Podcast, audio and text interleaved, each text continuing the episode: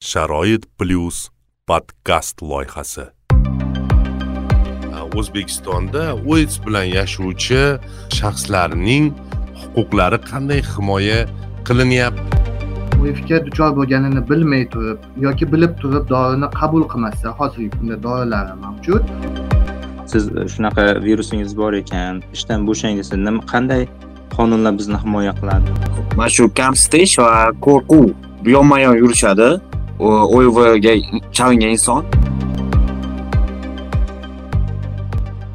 Assalomu alaykum hurmatli tinglovchilar. Toshkent shahar sharoit plyus nogironlar jamoat birlashmasining innovatsion media loyihasi doirasida tashkil etiluvchi sharoit plyus podkastning navbatdagi sonini taqdimoti bilanmiz va e, bugungi mavzuyimiz e, o'zbekistonda oits bilan yashovchi e, shaxslarning huquqlari qanday himoya qilinyapti degan e, so'roqni olganmiz. Endi har doim mavzuga savolni qo'yganmiz va o'sha savol atrofida suhbatlashib mavzuni ochib berishga intilganmiz intilaganmiz va bugungi o'sha mavzuyimiz bo'yicha e, bizni spikerimiz o'zbekiston ishonch va hayot respublika nodavlat notijorat tashkiloti dasturiy koordinator koordinatori toshpo'latov davron aka assalomu alaykum davron aka assalomu alaykum va alaykum assalom tashmatov davron rahmat uzr uzr aha rahmat rahmat qimmatli vaqtingizni ayamaganingiz uchun rahmat deymiz va ijozatingiz bilan o'sha kirish savoli bilan boshlaymiz o'zi umuman mana ishonch va hayot tashkilotini biz mana shu sohada ishlovchilarni yaxshi bilamiz uni faollarini yaxshi taniymiz va faoliyat ham bizaga tanish va yaqin faoliyat. Lekin ko'pchilik bu tashkilot haqida bilmas ekan. Ya'ni keng jamoatchilikda judayam kam insonlar bu tashkilot haqida eshitgan ekan. O'shaning uchun imkoni bo'lsa shu ishonch va hayot tashkiloti haqida bir qisqacha ma'lumotlar bersangiz uni tarixi qachondan beri e, faoliyat ko'rsatyapti e, qayerda joylashgan ofisi umuman nima ishlar qiladi shu to'g'risida. Rahmat. Ho'p rahmat. E, avvalambor shuni mavzuni ko'targaningiz uchun kattakon rahmat ulug'bek aka. Chunki hozirgi kunda bu dolzarb mavzulardan bittasi. Bu narsaga hattoki prezidentimiz ham kuchli e'tiborni qaratyapti hozirgi kunda va e, bizani tashkilot haqida gapiradigan bo'lsam ishonch va hayot nodavlat notijorat tashkiloti e, oif bilan yashovchi insonlar jamiyati e, asosida tashkil topgan tashkilot ikki ming uchinchi yildan beri faoliyat ko'rsatib keladi. Shu yil beshinchi dekabr kuni yigirma yil bo'ladi faoliyat ko'rsatayotganiga. Asosiy faoliyati bu e, o'sha oif bilan to'qnash kelgan insonlarga e, psixologik e, ijtimoiy yuridik yordam ko'rsatish va ijtimoiy ham ko'mak sifatida o'sha социальный сопровождение deyiladi ruschada o'sha ijtimoiy ko'mak sifatida e, juda juda ko'p e, xizmatlar ko'rsatiladi. Asosiy e, xizmatlardan bittasi bu oifga to'qnash kelgan inson hayotda o'zini yo'qotib qo'yadi. Ko'pincha depressiya holatiga tushadi va o'sha holatdan chiqib ketishga o'sha holatni qabul qilishga o'sha oifni oif bilan yashashga o'rganishga yordam beradigan tashkilot desam adashmagan bo'laman. Э, hozirgi kunda э, har xil proyektlarni amalga oshiradi tashkilotimiz va hamma proyekt o'sha e, benefitsiar ya'ni kim o'sha e, uslugalarni xizmatlarni qabul qiluvchi shaxslar uchun mutlaqo tekin e, taqdim qilinadi. Hozirgi kunda asosiy urg'uni o'sha oif yashovchi insonlardan tashqari gender tenglik va gender e, sezuvchanlik kabi mavzularga va inson huquqlari e, kabi mavzularga ham juda katta urg'u berilyapti tashkilotimiz tomonidan. Mhm. Tushunarli. Mana hozir javob beryapsizda. Mana shu javob ichidan o'zi bitta e, savol kelib chiqyaptida mana ko'p guvoh bo'ldik biz tahlil qildikda insonlarni yondashuvlarini va fikr mulohazalarini tahlil qilamiz mana oits bilan yashovchi insonlar deymiz va oif bilan yashovchi insonlar deymizda o'zi ko'pchilik shuni farqiga ham bormas ekanda o'zi shuni bir qanaqadir ikki kira ikki to'rt deganday bir farq haqida tushuncha berib ketsangiz shu bahonada ho'p rahmat. Da boya e, boshida ham siz oid bilan yashovchi insonlar deb aytib o'tdingiz. E, bu ozgincha noto'g'ri hisoblanadi chunki hozirgi kunda diskriminatsiyasiz lug'at degan tushuncha bor va o'sha lug'atda aslida oif bilan yashovchi insonlar deyish mubolag'a to'g'ri bo'ladi. Shu shu holatda oif bilan oitsni farqini aytib o'taman. Oif bu so'zini o'zini ma'nosi abbreviaturani ma'nosi bu odam immuniteti tanqisligi virusi oits bu odam e, immuniteti tanqisligi sindromi. Ya'niki inson birinchi o'rinda bu virus bilan to'qnash kelganda ya'ni oif bilan to'qnash keladi. Oif e, bu o'sha e, hozirgi kunda e, ijtimoiy oldin taxminan o'n yilcha bo'ldi bu narsaga. Dunyo miqyosida oif e, ijtimoiy xavfli kasalliklar sarasiga kiritilgan edi. Hozirgi kunda bu oddiy surunkali kasallik deb qabul qilinadi.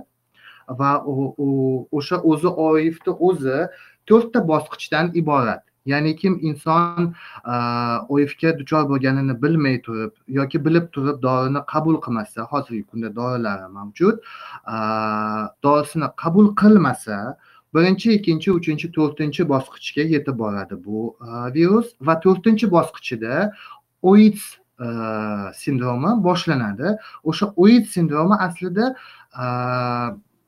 smertelniy ya'ni kim o'lim holatiga olib boradigan hisoblanadi.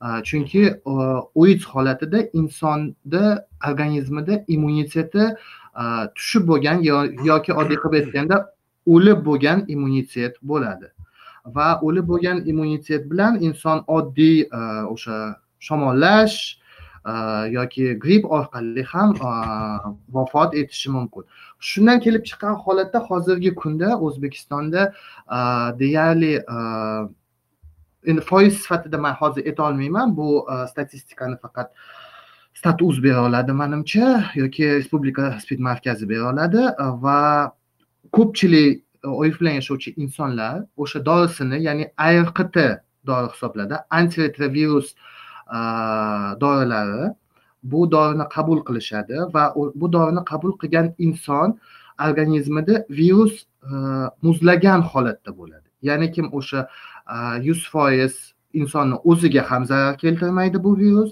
ham atrofdagi insonlarga hech qanaqa zarari yetmaydi bu insonni. Ya'niki o'sha holatda inson bu virusni ikkinchi insonga hech qanday holatda yuqtira olmaydi. Va yuz foiz ya'ni o'sha dorini stabil iste'mol qiladimi yo o'zi qanaqadir bir расписание bo'yicha iste'mol qilgandan keyin bu virus muzlaydi va u masalan qondan qonga e, qanaqadir yoki boshqa jinsiy yo'llar bilan hattoki o'tmaydimi shunaqami? Chunki qanaqadir bir miflar borda odamlarni qo'rqitadigan bir fobiya uyg'otadigan bir e, mish mishlar stereotiplar yuradida odamlarni ichida. Voy mamu spid ekan unaqa ekan hatto bitta dasturxonda e, ovqat yeyishdan qochadigan holatlarga ham guvoh bo'lganmizda shu oif bilan yashaydigan insonlar bilan. Rahmat. To'g'ri dorisini o'sha doriga sodiqlik degan terminologiya ishlatiladi bu yoqda. Har yigirma to'rt soatda o'sha yashovchi inson dorisini qabul qilishi kerak. Shu holatda shu doriga sodiqlik holatida u yuz foiz xavfsiz bo'ladi. Mana shu miflarga o'sha afsonalarga keladigan bo'lsak juda ko'p afsonalar yuradi ham hattoki o'sha inson dorisini qabul qilmagan holatda olaylik. O'sha hattoki deylik o'sha inson oid holatigacha yetib bordi deylik. Oif oid uy sharoitida hech qanaqa yuqmaydi hech qanday holatda yuqmaydi. Chunki oif o'zi uchta holatda yuqadi. Bu jinsiy himoyasiz jinsiy aloqa orqali qonni to'g'ridan to'g'ri quyilishi ya'ni kim o'sha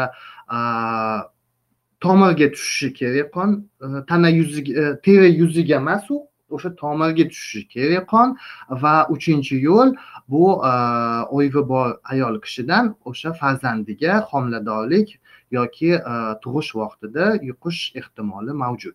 Qolgan holatlarda hech qachon havo orqali uy sharoiti orqali deylik o'sha bitta idish tovoq Э, bitta sochuv yoki e, общий vanna bitta bitta vannadan e, foydalangan holatda hech qanaqa yuqish ehtimoli yo'q bu narsani. Hattoki inson o'zi xohlagan holatda mana e, bir necha yil oldin biz bitta legendaga to'g'ri bitta shov shuvga to'xtash keluvdikki o'sha coca colani ichiga oifi bor insonni qoni tushgan ekan deb bu holatda ham o'sha qon oshqozon orqali tushgan holatda ham agar o'sha insonni og'iz bo'shlig'ida va oshqozonida kuchli yara bo'lmasa oif yuqmaydi. Bu birinchidan ikkinchidan oif o'sha boshqa bir suyuqlikka tushgan holatda o'z yuqish kuchini yuz foiz yo'qotadi. Hmm, tushunarli. Ya'ni biron bir suv yoki boshqa suyuqlik ta'sirida o'zini ta'sir doirasini e, yo'qotadi. O'sha deylik chunki ko'pincha e, holatlarda eshitamiz mana shu o'sha общественный e, basseynlarda anaqa yuqish ehtimoli bor. Yo'q bu narsa umuman mif ya'niki afsona chunki oif tashqi holatda inson organizmidan tashqarida vakuum holati tuzilmasa o'sha ya'niki e, shpritsni ninasiga o'xshagan vakuum holat tuzilmasa e, u tashqi muhit ta'sirida juda tez nobud bo'ladi virus man eslaymanda e, mana shu ikki minginchi yillarda taxminan ikki ming beshinchi yillarda bo'lsa kerak judayam mana shu virus haqida antipropaganda deyman desak to'g'ri bo'ladi men bilmadim. Asosan o'sha davrlar ko'p fobiya uyg'otdi bizani xalqimizni ongida. Ya'ni voy hozir mana e, o'sha e, vich bilan kasallanganlar ko'payib ketgan endi haligi bilmay ham yuqtirib qo'yyapti keyin yuqtirgandan keyin alamzada bo'lar ekanda ular yana ham ko'proq odamga yuqtirishga harakat qilayotgan ekan. Shunga ehtiyot bo'linglar skameykalarga nina qo'yib ketishayotgan ekan liftni knopkalariga ninalar tiqib ketishayotgan ekan. U ekan bu ekan bu demak hammasi puchga chiqyapti bu gaplarni hozir shunaqa bo'lyaptimi?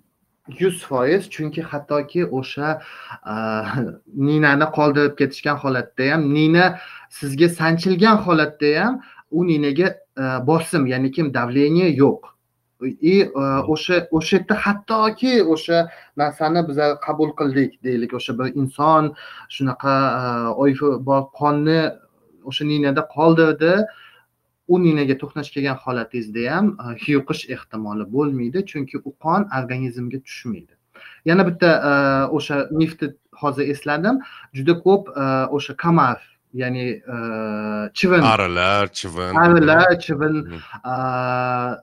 hmm. yuqtirarkan insondan insonga olib o'tarkan. Bu ham juda katta mif bu yuz foiz. Isbotlangan narsaki shu e, chivinlar arilar e, va boshqa hasharotlar orqali bir insondan boshqa insonga bu virus yuqmaydi. Nima uchun? shuncha ma'lumotda masalan mana shuni balki oldinroq bilganimizda insonlarga ko'proq foydamiz tegan bo'larmidi? Ham deb o'ylab qolamanda bir paytlarda. O'zi eng katta kasallik o'zi xabardorlikni yo'qligida o'zi aslida. Albatta albatta. Chunki mana bu qo'rquvlarni uyg'otadigan narsa aslida o'sha xabardorlikni yo'qligi va siz ikki minginchi yillarni eslab o'tdingiz va ikki minginchi yillar da o'zbekistonda o'sha endi virus avjiga olayotgan ko'payayotgan vaqtlar bo'lgan va o'sha vaqtda hattoki afsuski o'sha meditsina xodimlari ham ma'lumotga ega bo'lishmagan. O'sha o'shani hisobiga insonni qo'rquvi ma'lumot yo'qligi hisobiga bu ma'lumotlar shunaqangi dahshatli qo'rqinchli ko'rinishlargacha yetib borgan tushunarli rahmat kattakon o'zi mana man bir shu endi qanaqa desam to'g'ri ehtiyot shart o'yif bilan yashovchi desam to'g'ri bo'ladimi? Yoki qanaqadir aniqlab aytish kerakmi uni ham baribir masalan u inson oits bo'lishi mumkin lekin man o'sha oits bilan yashovchi inson haqida ham oif bilan yashovchi desam qanchalik masalan xato bo'lmaydi o'zi. Endi haligi etiket nuqtai nazaridan oif bilan yashovchi deganimiz to'g'ri bo'ladi. Shunaqami? Yuz foiz to'g'ri bo'ladi chunki hozirgi kunda shu narsa dunyo tomonidan ham o'zbekiston tomonidan ham qabul qilingan narsa. Man bir inson bilan tanishib qolgan edim va gaplashganimda o'sha taxminan ikki minginchi yillarga borib taqalar ekan u insonni shu virusni yuqtirgan vaqti va u ham aytib beryaptiki boshida juda yam qo'rqqan edim bo'ldi mana olti oyda o'larkanman deb o'lishni kutib yurdim deyaptida. Kutdim kutdim o'lmadim olti oyda deyaptida. Sakkiz oy bo'ldi. Sakkiz oy bo'lgandan keyin e, ongida bir g'oya paydo bo'lganda mana shu to'g'risida informatsiya yig'ib ko'raychi nimaga man o'lmayapman degan savol bo'lganda informatsiya yig'ib tushunib qolganki man bekor shu ma'lumotlarni oldinroq bilmagan ekanman. Agar oldinroq bilganimda o'zim uchun yana ham yaxshi bo'lgan bo'lardi. Mana bu virus rivojlanib ketmas ekan deb keyin shu informatsiyalarni e, yig'ib shu imkon qadar tarqatishga ham harakat qildim degandek e, gap bo'lyaptida. Ya'ni o'sha e, uli ham afsona bo'lib chiqyapti. Olti oyda o'ladi to'rt oyda o'ladi. Yo bir yilga bormaydi.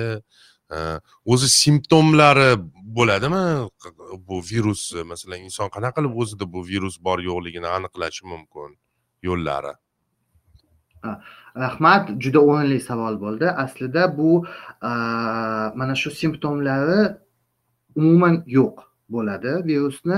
Virus yuqtirgandan keyin inson ba'zida birinchi ikki haftalik ichida xuddi yengil shamollashni o'tkazgan kabi simptomlar bo'lishi mumkin va umuman bo'lmasligi mumkin va o'sha hmm. simptomsiz simptomsiz holati yillarga cho'zilishi mumkin hattoki besh yil o'n yilgacha cho'zilishi mumkin bu insonni shaxsiy o'sha immuniteti kuchliligiga bog'liq.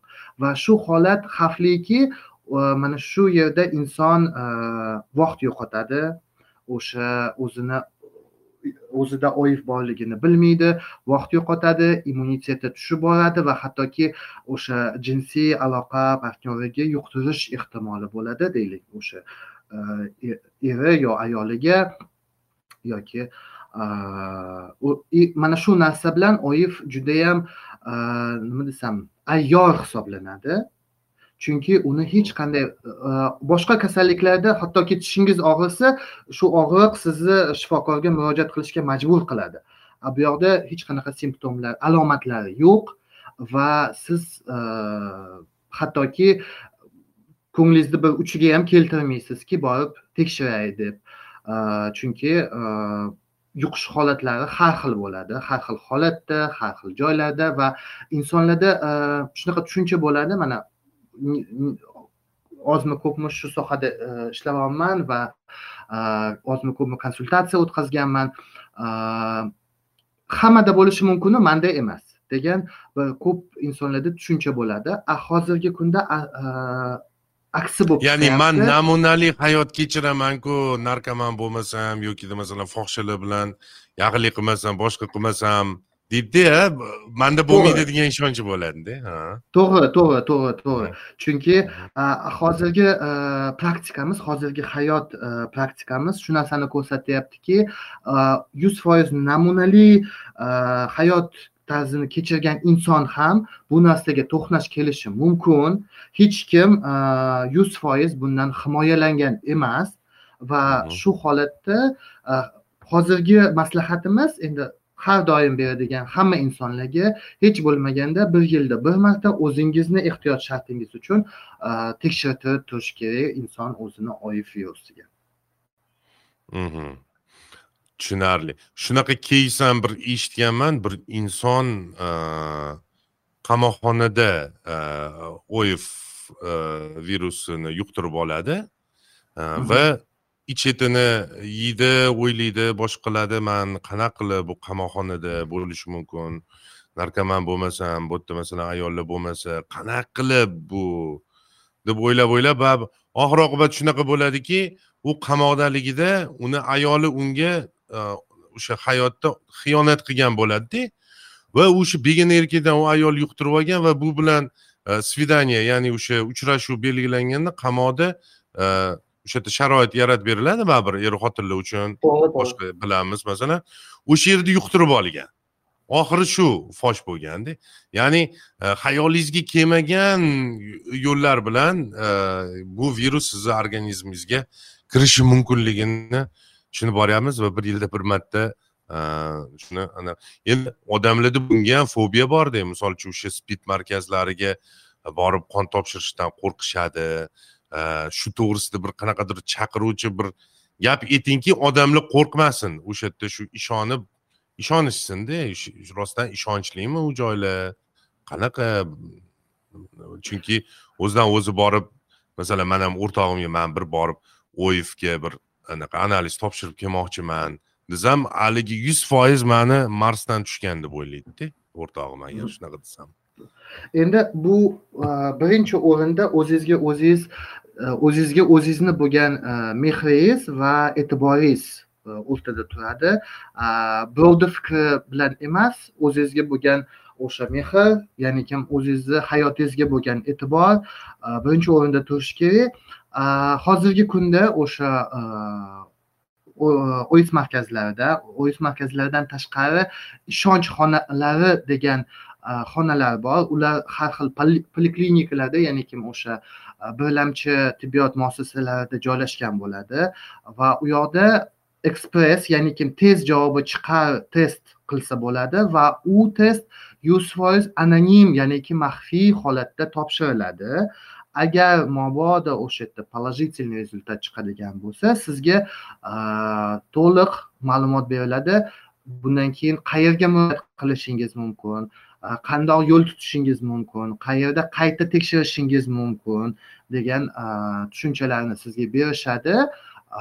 Va siz sizni siz uchun o'sha mm, как mm, komfortniy ya'ni kim o'sha qulay sharoit yaratiladi. Aslida bugungi kunda o'zbekistonda ham endi ish bo'lgan joyda kamchilik bo'ladi albatta lekin o'sha oit markazlaridagi holat maxfiylik holati juda juda tez holatda o'zgaryapti. Chunki hamma oit markazlarimizda o'sha psixologlar bor mutaxassislar bor sizni hech kim hech qachon yolg'iz qo'yib qo'ymaydi hozirgi kunda bu holat bilan.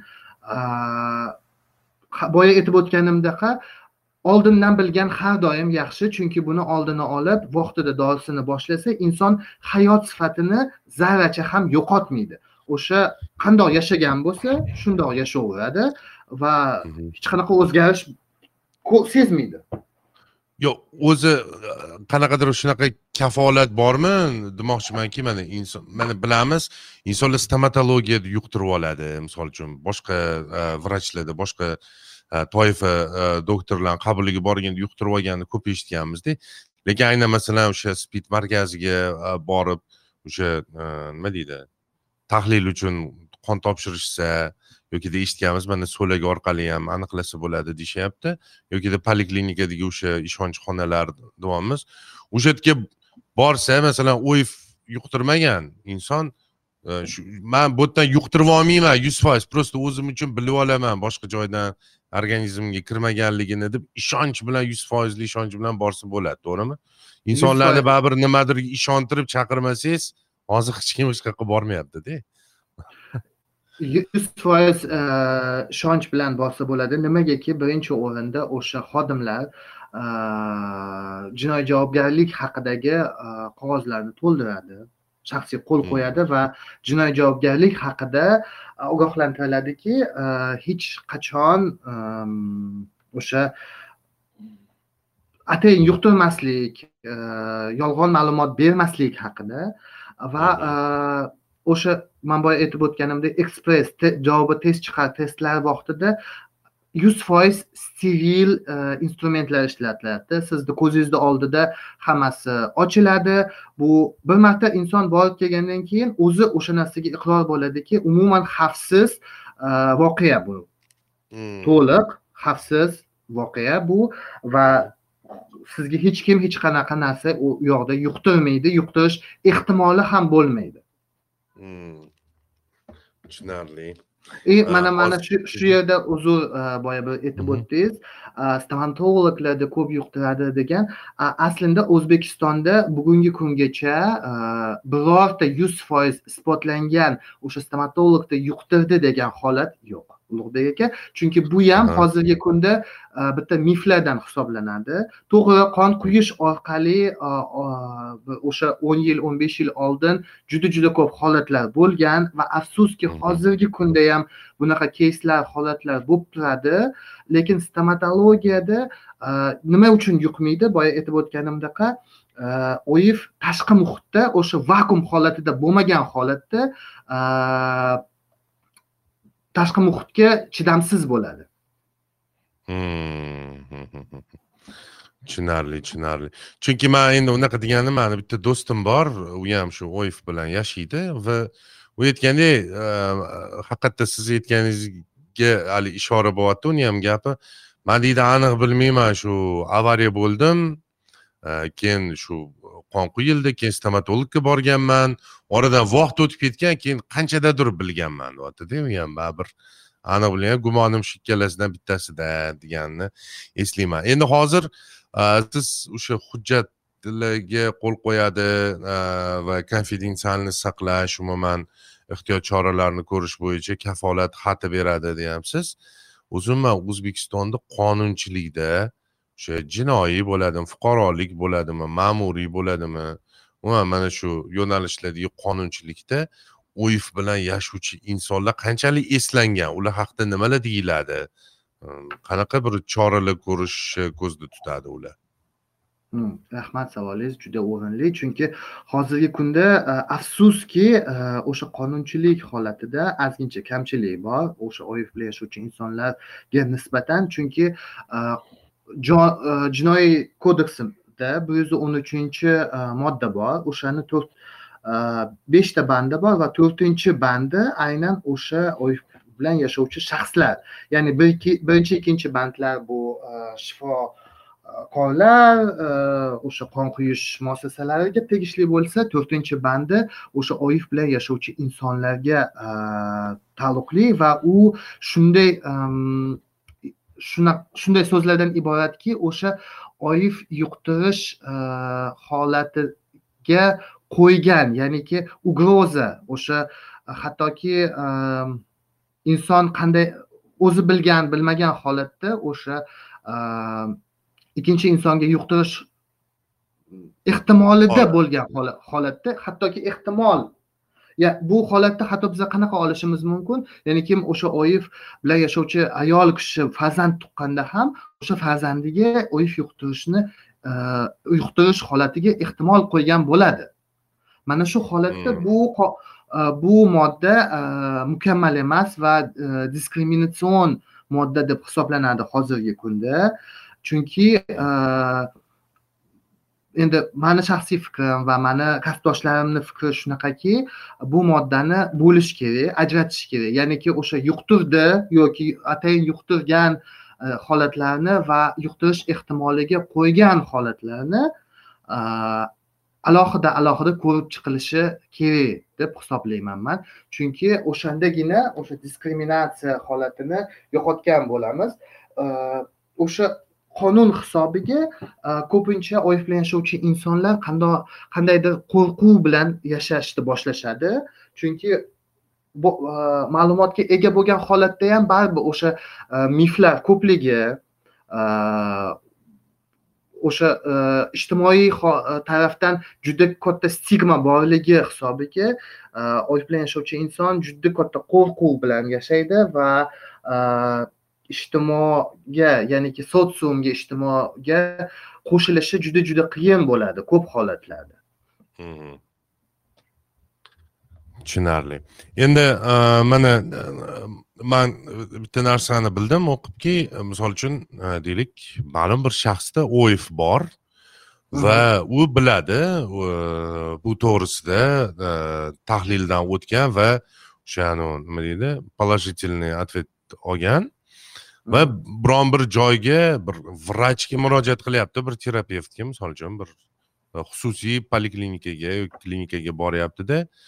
U majbur ekan u inson manda oif bor deyishga ogohlantirishga. Endi bu yerda bunaqa holatki agar e, o'sha murojaat shifoxonaga murojaat qilgan holatda uni teri e,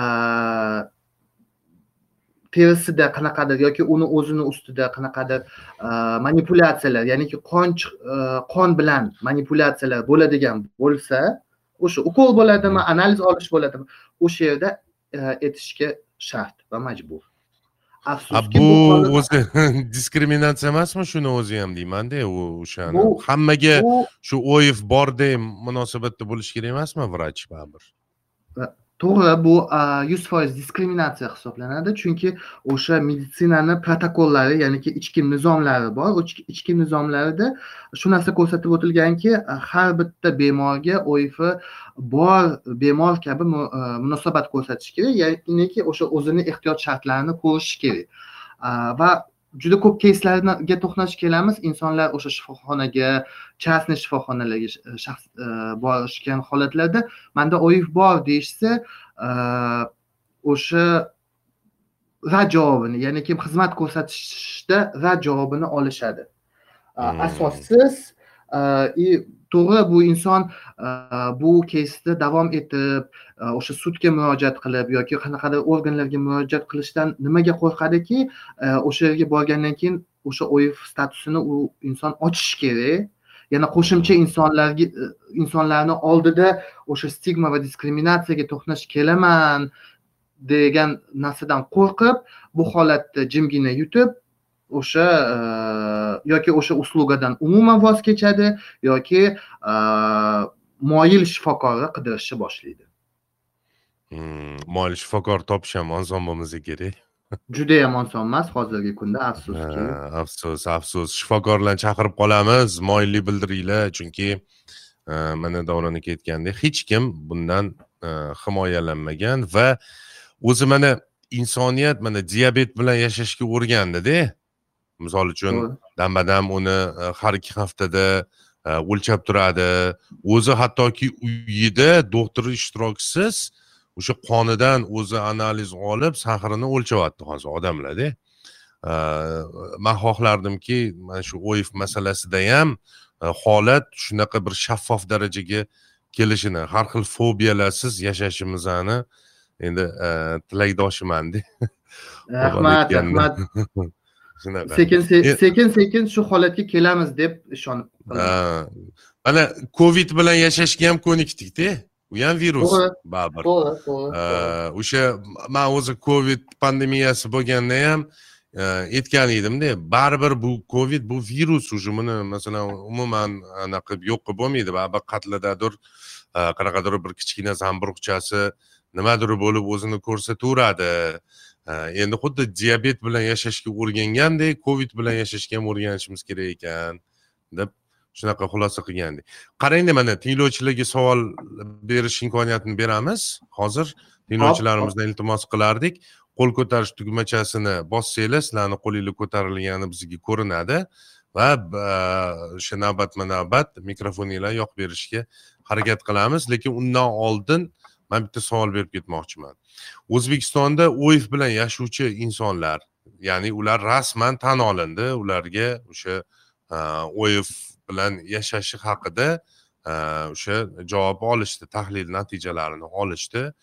Mana ko'pchilik bilmaydiki oif bilan yashovchi insonlarga ham nogironlik maqomi beriladi. Ya'ni o'sha ikkinchi guruh nogironimi uchinchi guruh nogironimi endi holatidan kelib chiqibdi ko'pchilik hayron qoldi shuni. Eshitibdi e ularga ham nogironlik pensiya to'laydimi ularga deyaptida. Umuman shu oif bilan yashovchi insonlar qanaqa huquqlari bor o'zbekistonda? Masalan mana oif sizda aniqlandi degandan keyin haligi inson bir qo'rquvga tushmasdan masalan mayli endi shu taqdir shunaqa ekan. Endi mana bunaqa qilamiz man bu yerga boraman bu yerga boraman deb o'zi uchun bilib olish kerak bo'lgan narsalar bo'ladiku. Qanaqa huquqlari bor ularni? Pensiya olish huquqi qanaqadir bir ijtimoiy tibbiy xizmatlarga bepul huquqlar berilishi mumkin. Qanaqa bir o'sha huquqlar to'g'risida ozgina gapirib bersangiz? Mhm. yuz foiz o'sha meditsina yuz foiz tekin meditsina qabul qilish медицинские услуги qabul qilish huquqiga ega. Ya'ni kim o'sha analizlari konsultatsiyalari shifokor konsultatsiyalari va dorilari spid markazlar o'sha oif oits markazlari orqali yuz foiz beminnat ya'ni kim tekin taqdim qilinadi bu birinchi huquqi. Ikkinchi huquqi yuz hozirgi kunda yuz foiz anonim ya'niki maxfiy o'sha inson o'n sakkizga kirgan holatidan o'n sakkizdan katta bo'lgan insonlar oifga e, duchor bo'lgan holatida e, o'zi o'zini ruxsatisiz ikkinchi yoki uchinchi shaxslarga bu ma'lumot berilmaydi. E, bu administrativniy наказание bor bu uchun ham ya'niki ma'muriy javobgarlik bor o'sha ma'lumotni tarqatish yoki ikkinchi uchinchi shaxslarga bu ma'lumotni e, taqdim qilish. O'sha pensiya e, deymiz e, пособие deymiz. Bu holatni aytib o'tadigan bo'lsam oifni o'zi bor insonlarga o'sha nogironlik berilmaydi. Bu yerda qanaqa holat bo'ladi? Opportunistlar ya'ni kim oif juda chuqurlashib ketgan avjiga olib ketgan insonlarda opportunist ya'niki qo'shimcha kasalliklar paydo bo'lishni boshlashi boshlashi mumkin. O'sha sil sil kasalligi va uni har xil ko'rinishdagi ko'rinishlari deylik yoki ya'ni qanaqadir boshqa bir surunkali og'ir kasalliklarga duchor bo'lgan insonlarga o'sha holatda nogironlik beriladi va пособие to'lanadi. Demak bir qanaqadir haligi radikal bir belgisi bo'lmasa virusni unda misol uchun o'sha dorisini ichib yuribdi unga bepul o'sha dorilar boshqalar ajratilinadi lekin nogironlik guruhi berilmaydi. Qachonki o'sha ikkilamchi kasallik orttirgandan keyin nogironlik guruhi berilishi masalasi ko'riladi mana eshitganman o'sha sil ya'ni tuberkulyoz deydi tuberkulyoz va teri tanosil kasalliklariga juda yam moyil bo'ladi deb eshitganmanda qanchalik to'g'ri bu? To'g'ri chunki nima uchun? O'sha kech aniqlangan holatlarda insonda уже immunitet juda zaif bo'lgan bo'ladi va u immunitetni hmm. Ko'tarish juda qiyin juda og'ir kechadi. Bu narsaga yillar balki o'n yillarlab o'n besh yillab vaqt ketadi. Va o'sha holatlarda o'shanaqa sil kasalligi tuberkulyoz virusiga o'xshagan kasalliklarga juda juda moyil bo'lib qoladi inson. Afsuski bu bu holat bor. Tushunarli. Э, demak podkastimizni birinchi qismi э, sekin oxiriga yetyapti. Ikkinchi qismiga o'tish jarayonida e, aytib o'tmoqchimanki hech qaysimiz kibrga berilmasligimiz kerak bizda bu bo'lmaydi deb o'ylamasligimiz kerak ekan va e, mana shu masalaga o'zimiz e, e'tiborli bo'lishimiz kerak va nima desamiki mana odamlar bilan muloqot qilayotganda ham misol uchun endi hayotda har kim har xil sinaladida masalan kimdir yoshligida bir noto'g'ri yo'lga kirib qoladida e, giyohvand moddalarni qabul qilgan bo'lishi mumkin. Darrov bizni xalqimizda ana u narkoman u spid unaqa bunaqa deb diskriminatsiya qilib uni e, ijtimoiy hayotdan chetlashtirib qo'yishga urinishadi hatto qo'l berib so'rashishmaydi o'shaning uchun bunaqa qo'rquvlardan har xil stereotip noto'g'ri tushunchalardan e, yomon bir nima deydi negativ Э, fikrlardan yiroqlashib oif э, bilan yashovchi insonlar bilan ham to'liq э, kommunikatsiya qilishga hammani chaqirib qolamiz va bu podkastimizda olgan bilimlaringlarni iloji boricha yoysanglar tanishlaringlar orasida biza shunchalik e, xursand bo'lamiz. Endi e, ho'p janob rustamxonga mikrofonni yoqib berdim. Tinglovchimiz qo'l ko'targan ekanlar. Marhamat rustam aka assalomu alaykum va alaykum assalom rahmat rahmat. Menda menda bitta savolim bor edi marhamat.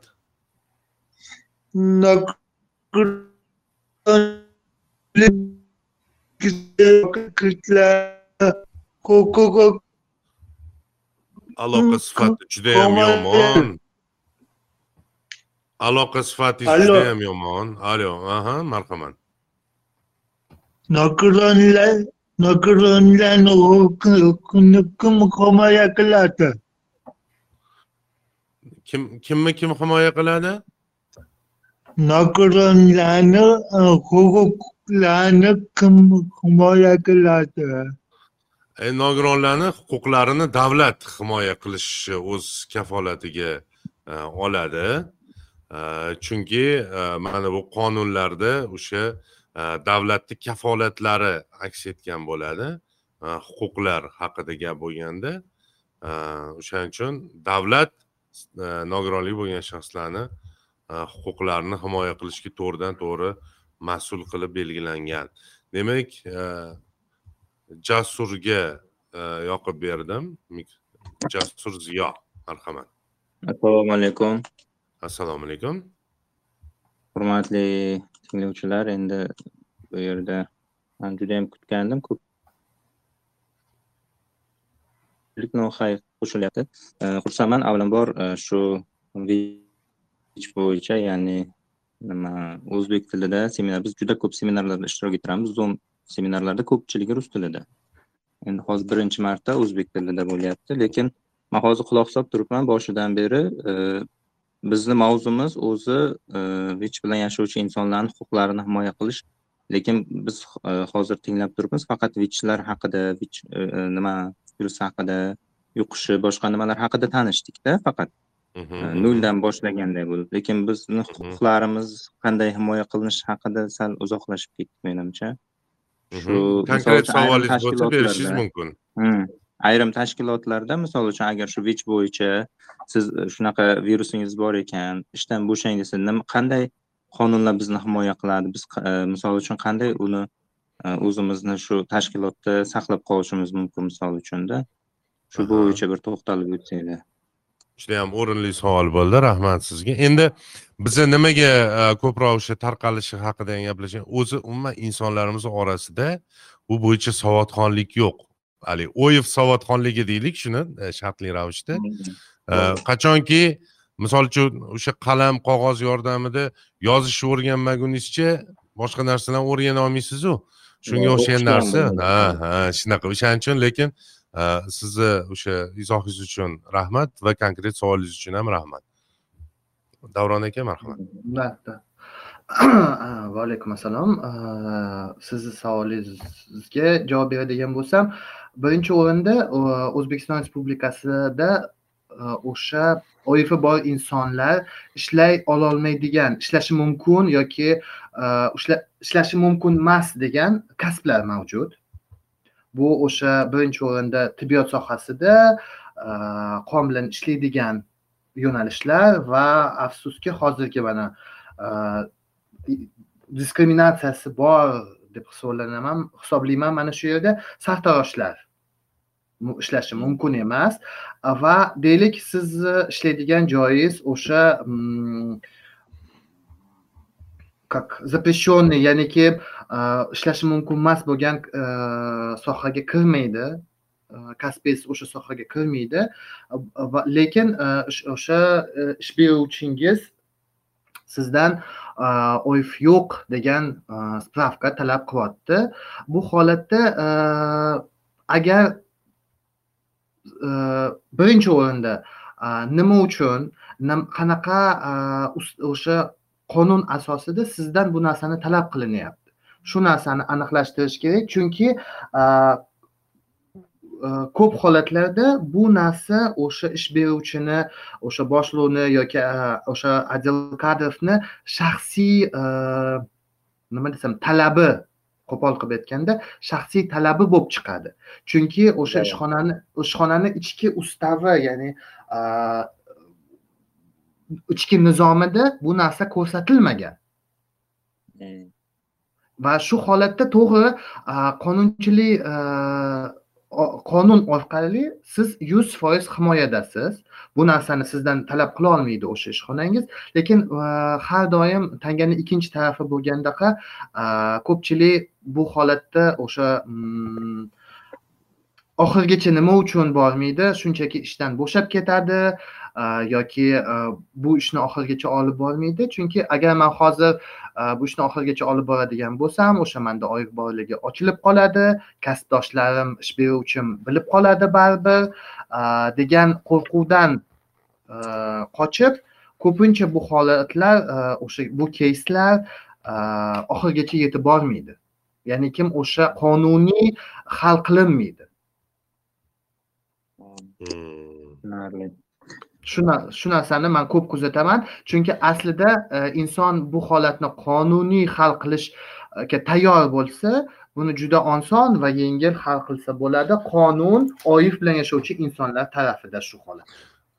Yo mana masalan qarangda e, mana maxfiy tutiladi sir tutiladi deyapmiz. Misol uchun bir ma'lum bir shaxs misolida anaqa qilmayman. E, o'sha oif bilan yashaydi va u ishlaydi u nimaga endi o'zidan o'zi haligi e, ish beruvchi? Undan bu to'g'risida spravka talab qilib qolishi mumkin deyman mana ishlab turibdi. Bir joyda o'zidan o'zi kelib qoldi. Baribir bu yerda утечка informatsiya deydi ya'ni o'sha axborot tarqalib ketishi qanaqadir sodir bo'ladimi? U yerda judayam ko'p nyuansda e, bor deb o'ylaymanda ya'ni bular yoki qayerqadir saralash bo'lishga kirayotgan bo'lsa rasmiy. Nahotki misol uchun mani sartaroshim oy yo'qligi haqida spravka olib borib bergan bo'lsa deb o'ylab qolyapman hozir. Bu juda yam kulgilida to'g'risini aytsam qanaqadir ozgina. Umuman mantiqsiz deb o'ylayapman. Jasur aka savolingiz bo'lsa berishingiz mumkin. Ya'ni marhamat davron aka qo'shimcha bormi? Qo'shimcha shundaki to'g'ri balkim ba'zi holatlarda o'sha утечка informatsiya yoki o'sha ma'lumot chiqib ketgan va o'sha ish beruvchiga yetib borgan bo'lishi mumkin. Lekin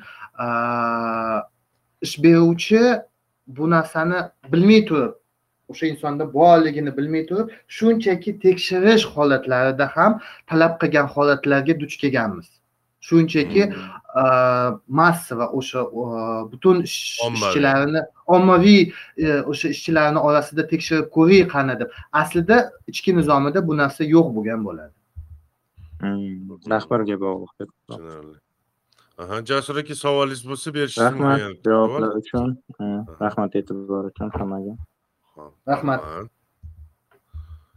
aliyevga yoqib berdim mikrofonni.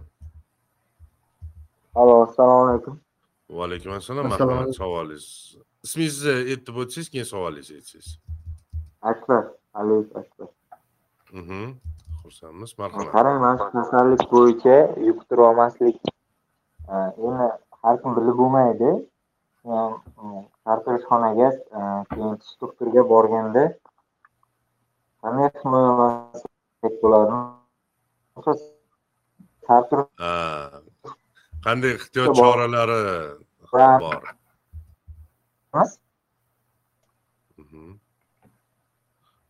Umumiy o'sha uzilishlardan tushundim. Manimcha qanaqangi ehtiyot choralari gumonda qaytib keladi qo'rquvda desak to'g'riroq bo'ladi. gumon emas qo'rquv desangiz to'g'riroq bo'ladi. Turiladimi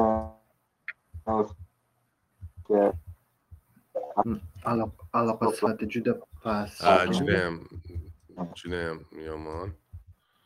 Ho'p man uzr so'rayman aliyevdan. Sizni savolingizni qisman tushunib oldik o'sha boyagi savolimizni davom bo'lyaptida haligi ehtiyot choralari qanaqa qilib ishonch hosil qilsak bo'ladi shuni yuqtirib olmaymiz degan ma'noda. Qisqacha izoh berib ketsangiz. O'sha sartarosh bilan stomatologlar haqida gap ketdi hozir. Oifdan tashqari judayam ko'p virus kasalliklar mavjud hozirgi kunda. O'shalardan bittasi o'zbekistonda avj olayotgan holatda hozir bu gepatit. Va nima uchun man bu narsani aytib o'tdim? Nafaqat o'sha oifdan ehtiyot bo'lgan holatdada o'sha boshqa kasalliklardan ham ehtiyot bo'lgan holatda shunchaki sartaroshingizda yoki stomatologingizda bitta narsaga e'tibor e'tiborliroq bo'lish kerak. O'sha ishlatayotgan narsalari toza o'sha sartaroshda bu опасный лезвие deyiladi o'sha britva ishlatayotgan holatida chunki qaychi yoki taroq o'sha sartaroshni mashinkasi oif yoki boshqa virusni bir insondan boshqa insonga olib o'ta olmaydi bu narsa bu holat bo'lishi umuman ertak holatda единственный o'sha sartaroshda опасный britva a stomatologda hozirgi kunda deyarli o'sha mana anjomlarini to'qson foizi bir martalik o'sha sizni yoningizda ochadi o'sha ninalar shpritslar steril holatda ochiladi o'sha narsaga e'tiborliroq bo'lsangiz bo'ldi.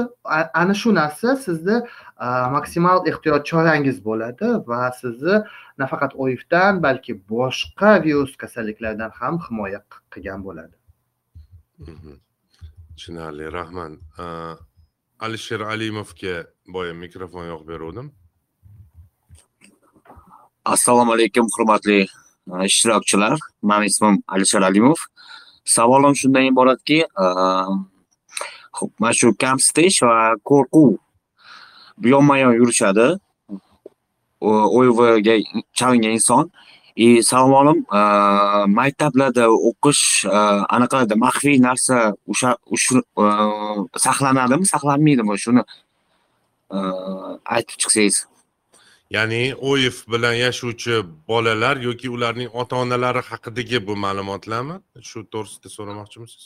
Ha shu ma'lumotlar va qanchalik darajada o'zbekiston respublikasida shu e, himoyaga e, huquq e, insonlar misol uchun bilishadimi shu huquqlarni bilishmaydimi yoki shu keyslar o'zbekistonda shu uh, ko'p e, marotaba yoshlarimiz e, duchor kelganmi e, kamsitishga diskriminatsiyaga. Aha aha. Tushunarli. Rahmat alisher kattakon marhamat davron aka rahmat savolingiz uchun. Alisher afsuski hozirgi kunda bunaqa keyslar mavjud va kammas degan bo'lardim. O'sha ota maktab o'quvchilari yoki ularni ota onalari haqida ma'lumot tarqalishini chunki xalqimizda bir gap bor anaqa og'ziga elak tutib bo'lmaydi degan. No qonun jihatidan o'sha oifi bor inson haqida ma'lumotni tarqatish bu administrativniy наказание ma'muriy javobgar ma'muriy javobgarlik bor va o'sha qayta qayta holatlari e, o'sha holat qaytalansa bir inson tomonidan bu holat qaytalansa uchinchi marta adashmasam uchinchi marta qaytalangan holatda jinoiy javobgarlik ko'riladi ya'ni birinchi marta bu shtraf bo'ladi e, ikkinchi marta bu e, исправительные работы Э, o'sha uchinchi marta adashmasam jinoiy javobgarlik bo'ladi. Lekin afsuski o'sha e, javobgarlik haqida bu narsani bu ma'lumotni tarqatmaslik haqidagi javobgarlik haqida juda ko'pchilik bilmaydi. Ma'lumotga ega emas. Va shu uchun e, o'sha stigma va diskriminatsiya ko'rsatadigan insonlar o'ziga e, nima desam majburiyat deb biladi bu ma'lumotni tarqatishga. Va shu bir oif bilan yashovchi inson haqida ma'lumotga ega bo'lishdimi? Bo'ldi o'sha e, maktab bog'cha e, da o'sha boshqa ota onalarga boshqa o'qituvchilarga tarqatishim kerak hamma bilishi kerak degan bir lozung bilan yashashni boshlashadi shu insonlar. Afsuski shunaqa holatlar bo'ladi. Va bu holatlarda e, agar jabrangan inson ham tayyor bo'lsa qonuniy chora ko'rish imkoni mavjud. Mhm. tushunarli. Ho'p voy umid ne'matov degan ne'matovichmi degan tinglovchiga yoqib beruvdim mikrofon. Yo'q bo'lib qoldilar. Mayli alisher alimovda manimcha yana savol bo'lib qoldi yana qo'l ko'targan ekansiz alisher yana bitta savol shu OYV OYV bilan yashayotgan yoshlar o'n sakkiz yoshgacha yoki o'n sakkizdan keyin qaysi payt unga OYV virusini qonda borligini aytsa bo'ladi va qanaqa yo'l yo'llar unga bilim berish kerak yoki maktab maktab paytida misol uchun maxfiylik buzilib ketsa uni kamsitishga diskriminatsiya keltirish oldini olish shu yo'llarni tushuntirib bersangiz xursand bo'lardik. Rahmat. Rahmat. Savollarni birinchi qismiga hozir dunyo tomonidan qabul qilingan narsa o'sha o'n ikki yoshdan bolaga e, unda oif borligini e, ya'ni etish haqida tayyorlash e, ishlari olib borilishi kerak. Demak o'n ikki yoshida bolaga etish emas o'sha ishlarni tayyorlov ishlarini psixologik tayyorlov ishlarini olib borib o'sha o'n to'rt yoshlarda etish maqsadga muvofiq chunki shu yoshda inson yengilroq qabul qiladi o'sha o'n sakkiz yoshda bilganidan ko'ra. Bu birinchi qismlariga javob. Hozirgi kunda o'zbekistonda bu narsa targ'ib qilinyapti. Sekin sekin to'g'ri bu yoqda boshqa tomoni bor bu narsani. Faqat o'sha bolani ota onasi rozi bo'lgan holatda chunki ko'pincha ota onalar farzandim qanaqa qabul qiladi nima qiladi o'ziga qasd qilib qo'yadimi deb qo'rqish holatlari bo'ladi va o'sha uchun e, ko'p holatlarda o'n sakkiz yoshgacha e, cho'zishadi bu holatni. o'n sakkiz yoshda уже e, spitsentr ya'ni spid markazi oid markazi oidga kurashish markazi bu ma'lumotni aytishga majbur. Qonunchilik tarafda savollarni ikkinchi qismi e, o'sha asosan keyslar qanaqa hal qilinadi agar o'sha bolani o'sha maktabdan boshqa maktabga o'tkazilmasa ota onasi e, o'sha maktabni o'zi bilan e, o'sha direktori o'qituvchilari va o'sha sinfdagi bolalar bilan bolalarni ota onalari bilan Э, targ'ibot ishlari olib boriladi. Bu ideal sxema hisoblanadi. Va o'sha e, ota onalarga o'qituvchilarga oif aslida nima u bilan qanaqa yashiradi va uni e, xavfli va xavfsiz tomonlari tushunib tushuntirilib o'tiladi. Va o'shanda o'sha bolaga nisbatan buling deymiz hozirgi o'sha psixologik bilan bulingni to'xtatsa bo'ladi. Mhmm. Tushunarli.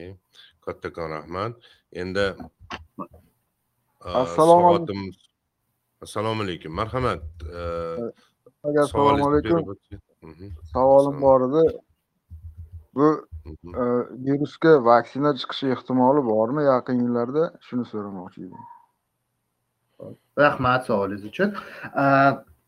Vaksina deganda biz endi qanaqa tushunamiz? Mana o'sha siz bu ulug'bek aka aytib o'tdingiz covid masalasida vaksina hali o'yi yo'q insonga qilinadi. Ya'nikim o'sha o'yib yuqmasligi uchun. Bu vaksina hozirgi kunda mavjud va lekin hali ommaga taqdim qilinmagan taqdim qilinmagan. Chunki o'sha har bitta vaksina исследованияларdan o'tish kerak e, o'sha tasdiqlardan o'tib o'sha e, pobochkalari yo'qligini aniqlashtirilib e, keyingina faqat vaksina o'sha ommaga targ'ib qilinadi. No bu vaksina man gapirayotgan vaksina bu hozirgi kunda o'sha oivi yo'q insonlar uchun o'sha oiv yuqmasligi uchun hech qachon. Именно man savol sifatida savolda shu narsani tushundimki o'sha именно dori haqida gap ketayotgan bo'lishi kerak. Afsuski yuz foiz tuzalishga olib boradigan dori hozircha yo'q. U u u dori ustida ishlar olinib borilyapti. Lekin hozircha hech kim hech narsa aniq qanaqadir bir ma'lumot mana shu besh yildan keyin yoki o'n yildan keyin bu dori bo'ladi va ommaga targ'ib qilinadi deya olmaydi afsuski. Rahmat. Rahmat hozir olti bo'libdi soatimiz. Agar e, imkon bersangiz bittagina tinglovchiga e, so'z bermoqchiman. Yozib qo'yibdilar onajonim mehribonim deb yozib qo'yibdilar. Man chaqirib qolaman har podkastda gapiraman. Insonlar imkon qadar o'zinglar isminglarni yozib qo'ysanglar bu baribir oddiyroq oddiylik yaxshi degan tarafdorman masalan hozir so'z onajonim mehribonimga desam mani boshqacha tushunishingiz mumkin. Assalomu alaykum. yaxshimisizlar mani savolim shuki shu narsaga chalingan inson boshqa davlatga borib ishlasa bo'ladimi? Qanaqadir bir yo'llanma o'sha misol o'zbekistondamizmi? O'zbekistondan bir o'sha markazdan yo'llanma yozib berishadimi? Yoki borib ishlasa bo'ladimi shuni tushuntirib bersangiz sizdan minnatdor bo'lgan bo'lardim. Rahmat. Hozirgi kunda shunaqa narsa borki har bir davlatda ichki qonunlari mavjud va o'sha ichki ichki qonunlardan kelib chiqqan holatda masalan o'sha rossiya federatsiyasini oladigan bo'lsak eng ko'p migrantlarimiz o'zbekiston migrantlari rossiya federatsiyasiga boradigan bo'lsa rossiya federatsiyasi afsuski hozircha qabul qilmaydi oif bor insonlarni nafaqat o'zbekistondan boshqa davlatlardan ham qabul qilmaydi. Misol qilib aytadigan bo'lsam turkiya davlati qabul qiladi. Izrail davlati izrail davlati qabul qiladi. Yujniy koreya janubiy koreya qabul qilmaydi masalan. Yaponiya davlati qabul qilmaydi. Bu narsa o'sha davlat davlatni ichki qonunlariga yevrosoyuz o'sha yevropa mamlakatlarini hammasi qabul qiladi amerika kanada qabul qiladi. Hozir endi esimda bor davlatlarni aytib o'tyapman avstraliya qabul qilmaydi. Dubay umuman qabul qilmaydi. Umuman arab o'sha arab birlashgan davlatlarini birortasi qabul qilmaydi. Mhm. Tushunarli. Endi kelingda bir har doim podkastimizni yakunida bitta savol beraman spikerlarga qo'shimcha ma'lumotlarni masalan podkastda mana insonlar borda balki shu tinglovchilarimiz ichida shu savolni berishga ham qo'rqib bo'layotgan bo'lishi mumkinda misol uchun kimdir voy man hozir chiqib savol bersam mani shunaqa anavi vichni bo'ylaydi u bu degan noo'rin qo'rquv bilan yashaydigan odamlar ham borda endi. O'shaning uchun konfidensial qanaqadir savollarni bermoqchi bo'lishsa qanaqadir bir ishonch raqamlari bormi? Qayerga bir yuzlanishsa bo'ladi. O'zi kimdan boshlashsin masalan? Shu o'zligisi bilishdi misol uchun yokida gumonligisi bor что e, ular vich bilan yashashyapti. Ya'ni oif bilan yashashyapti. Nimadan boshlash kerak? Kimga qo'ng'iroq qilish kerakmi? Qanaqadir ishonch raqamimi? Chunki bizani auditoriyamizda juda yam ko'p jismoniy nogironligiga ega bo'lgan insonlar ham bor va ular ham himoyalanmaganda virusdan masalan. To'g'ri. Ularni baribir harakatlarida o'sha shahrimizda yoki yurtimizda o'sha nogironligi bo'lgan shaxslar harakatlanish uchun sharoit mavjud bo'lmaganligi uchun ular qayoqqadir mustaqil borish imkoniyatidan mahrumlarda qanaqadir bir resurslarni yetib ketsangiz ma'lumotlarni olish uchun. Rahmat savolingiz uchun. Birinchi aytadiganim bu bizani tashkilotni o'sha ishonch raqami горячий liniya deymiz mana ruschada. O'sha nomerni bermoqchi edim birinchi o'rinda. Endi bilmadim hozir aytib o'tsammikan yoki biza siz keyin aytib o'tsangiz ham bo'ladi. Biz albatta postga ham qo'yamiz alohida. Ha o'sha narsa maqsadga muvofiq bo'ladi. Bu nomer ya'ni ellik beshlik besh yuz uch nol olti nol nol. Ya'ni bu ellik beshlik besh yuz uch nol olti nol nol. To'g'ri yigirma to'rt soat ishlaydigan raqam ya'ni o'sha psixologik yordam yoki mana shu hozirgi podkastimizda berolmay qolgan savollar bo'lsa o'sha o'sha e, telefon raqami orqali har bitta savoliga javob ola chunki bizada har xil mutaxassislar bor. E, ikkinchisi bu e, ishonch va hayot deb bizani saytimizni topishsa saytimizda ham o'sha chat bor. Bilasiz saytlarda mini chat kichkina murojaat yuborish. Ha o'sha murojaat yuborish chati bo'ladi. O'sha chatda maxfiylik saqlanib qolgan holatda o'sha savolini berib savoliga javob olishligi mumkin. Kattakon rahmat. Davron aka qimmatli vaqtingizni ayamasdan mana shu to'g'risini aytsam beshdan oltigacha bo'lgan vaqt hozirgi kunda judayam dolzarb pik payt bo'lib qoldi. Odamlar uyiga qaytadi ishxonadan boshqa. Lekin shunda ham mana shu vaqtingizni ayamay bizni podkastimizda ishtirok etdingiz. Man o'ylaymanki hozir o'ylab o'tiribman bu podkastni ikkinchi qismini ham qilishimiz kerak ekan kelajakda. Shu to'g'risida nasib bo'lsa o'ylaymiz. Chunki mani o'zimni ham qiziqtirayotgan ko'p savollar qolib ketdi to'g'risi.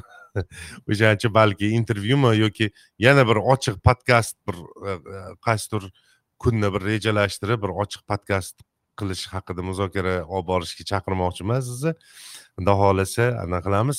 Podkastimiz so'ngida tinglovchilarimizga tilaklaringiz bo'lsa bildirishingiz mumkin. Marhamat.